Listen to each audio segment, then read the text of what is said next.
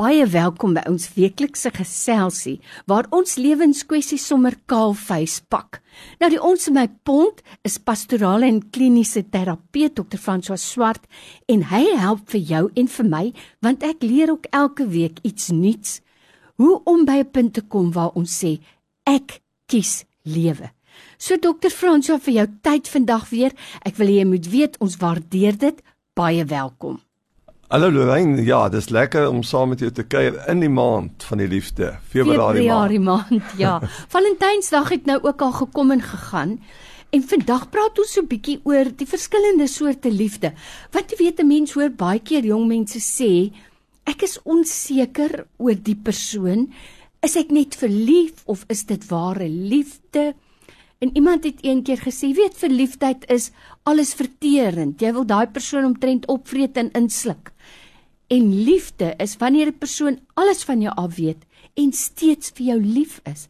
Dis is sommer wat mense so sê.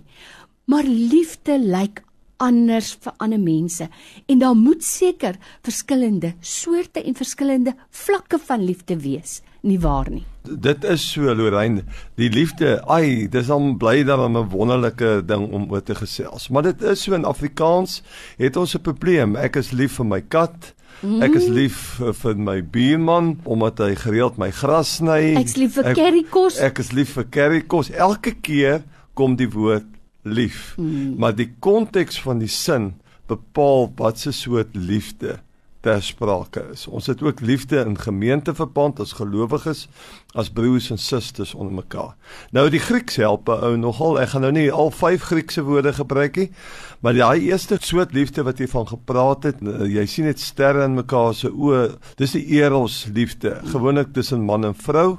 Dit is die Bybelse liefde van man en vrou wat in daai woord gedra word. Dan kry ons die baie bekende agape of agape liefde. Dit is wat tussen gelowiges in 'n gemeente, tussen broer en suster wees omdat ons deel is van die familie van Christus. Dis 'n ander soort liefde. En dan kry jy phileo. Dit het te doen met vriendskapsliefde. Nou as ons in Februarie maand is en ons praat oor die liefde, dan het af, soos wat jy daar voor die radio sit. Hoe oud is jy? Watter lens jy deur kyk na die liefde. As jy 'n 20 plusser is, is jy baie bewus van jou lyflikheid, hoe mooi jy is, uh hoe sterk jy dalk is. Jy's bewus van jou liggaamlikheid want jou liggaam is nog mooi gesond en jy moet op jou knieë gaan en vir die Here dankie sê mm -hmm. vir so wonderlike liggaam en dat die liggaam so wonderlik kan werk ook. Ook in terme van die liefde. Dit kan jou heeltemal skeef trek in waaroor die liefde regtig gaan. As jy bloot net vanuit 'n liggaamlike perspektief kyk na die liefde en en hoe die bruising in jou liggaam ontstaan. Nou ons praat baie keer my hart word warm of jy knak my knie of uh of ons praat ook van 'n chemistry. Dis 'n gevoel wat jy voel. Die geheim is is dat ons daai drie liefdes wat ons net van gepraat het dat 'n mens kyk hoe vinnig jy by die punt kan kom dat jy al drie daai tipes liefde kan inbou in jou huweliksmaat liefde in. Dis daar met vriendskapsmomente wees. Daar moet definitief die fondasie moet die Christelike liefde wees, mm. soos wat dit vir ons uitgespel word in 1 Korintiërs 13. Ons moet inskikkelik wees. Ons hou nie boek van die kwaad nie. Daar's wonderlike praktiese riglyne. Dit is die fondasie van huweliksliefde. En dan kom huweliksliefde wat die eros, die lyflike kant ook insluit. Dis as ons oor liefde praat, is dit belangrik dat ons met al drie daai lense werk. Die vriendskapsliefde, die liggaamsliefde, maar ook die broer en susterlike liefde wat die Bybel vir ons sekere waardes gee, wat dan ons liefde kalibreer, ons liefde definieer dat dit 'n diepe soort liefde is. En dan net wil ek sê, ehm um, liefde is harde werk. Mm. Liefde kom nie sommer van self nie. Jy moet lees oor die liefde en jy moet in ritmes kom met die liefde en daaroor moet ons gerus met mekaar gesels. By my in ateljee weer is dokter François Swart, pastorale en kliniese terapeut en ons praat vandag oor 'n baie belangrike saak en dit is liefde. Nou dokter François, jy het nou hier aan die einde 'n belangrike ding gesê en dit is jy moet deponeer in jou huwelik se liefdes bank of selfs 'n verhouding. Daar moet ingesit word vir daai maar jare wanneer jy brandhoutjies nodig het en dit dan daar kan kry.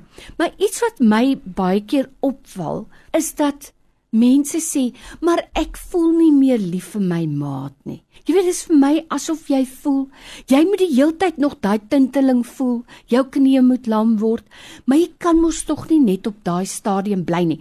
Wat gebeur in 'n mens se liggaam tydens daai verliefdheidstadium? Jy sien sekere foute nie eers raak van 'n ou nie. Is dit nie waar nie? Ek dink die liefde kan jou blind maak as as as jy net deur een lens kyk. En dis hoekom ons pleit dat jy die heeltyd deur verskillende lense kyk. En dit lyk vir my jy moet op 'n gereelde basis moet jy 'n besluit neem. Liefde is nie so seer 'n gevoel as 'n besluit. Mm. En ek het besluit dat ek gaan getrou bly aan hierdie maat van my. Ek gaan moeite doen. Ek gaan tyd maak daarvoor en daai besluit moet oor en oor en oor geneem word. Daar moet 'n stuk beplanning wees. Elke Sondag, dis gewoonlik wat ons leer vir paartjies, is hulle moet Sondag of oor die naweek iewers 'n tydjie hê waar hulle die week beplan. En dan moet daar glewe ingebou word wat dit net hulle twee is. Ek hou so van jou beeld van deponeer. Ek weet van geen rekening wat jy net geld kan uittrek nie, mm, en die geld kom nie. Iewers moet die geld invloei. En uh, dis 'n pragtige beeld en soos wat jy ons luisteraars daar voor die radio sit, vra vir jou eerlik die vraag: Hoe gereeld deponeer jy emosioneel in komplimente wat jy vir jou vrou of vir jou man gee? Waar jy jou waardering uitspreek, waar jy saam sit en beplan. Dit is die tipe van deponerings wat ons soek binne die huwelik. En Februarie, ons doen daai ete, 14de Februarie. Dis wonderlik, maar daar moet 'n gereelde ete met mekaar geskeduleer word. Ons kan nie net in Februarie se 14de op konsentreer nie. Dit moet 'n lewenswyse wees en ons verkies eintlik binne 'n terapeutiese proses dat 'n mens die huwelik en die liefdeslewe leef 'n week op 'n slag. En dan gaan sit jy en dan vra jy vir mekaar drie vrae. Wat was goed hierdie week? Wat was nie so goed nie? Wat gaan ons daaraan doen om dit beter te maak? En as jy in daai ritme kom, dan gaan jou vleuer, die vleuer van die liefde al hoe hoër begin styg. En dan word die liefde eintlik vir jou 'n reis. Een van die mooiste goed, ek sit nou die dag in 'n sentrum hier naby in die noordelike voorstede. Wag vir my vrou om iets klaar te maak. En ja, dis was wonderlik om so op 'n bank te sit en net te kyk nou hoe kom die mense verby.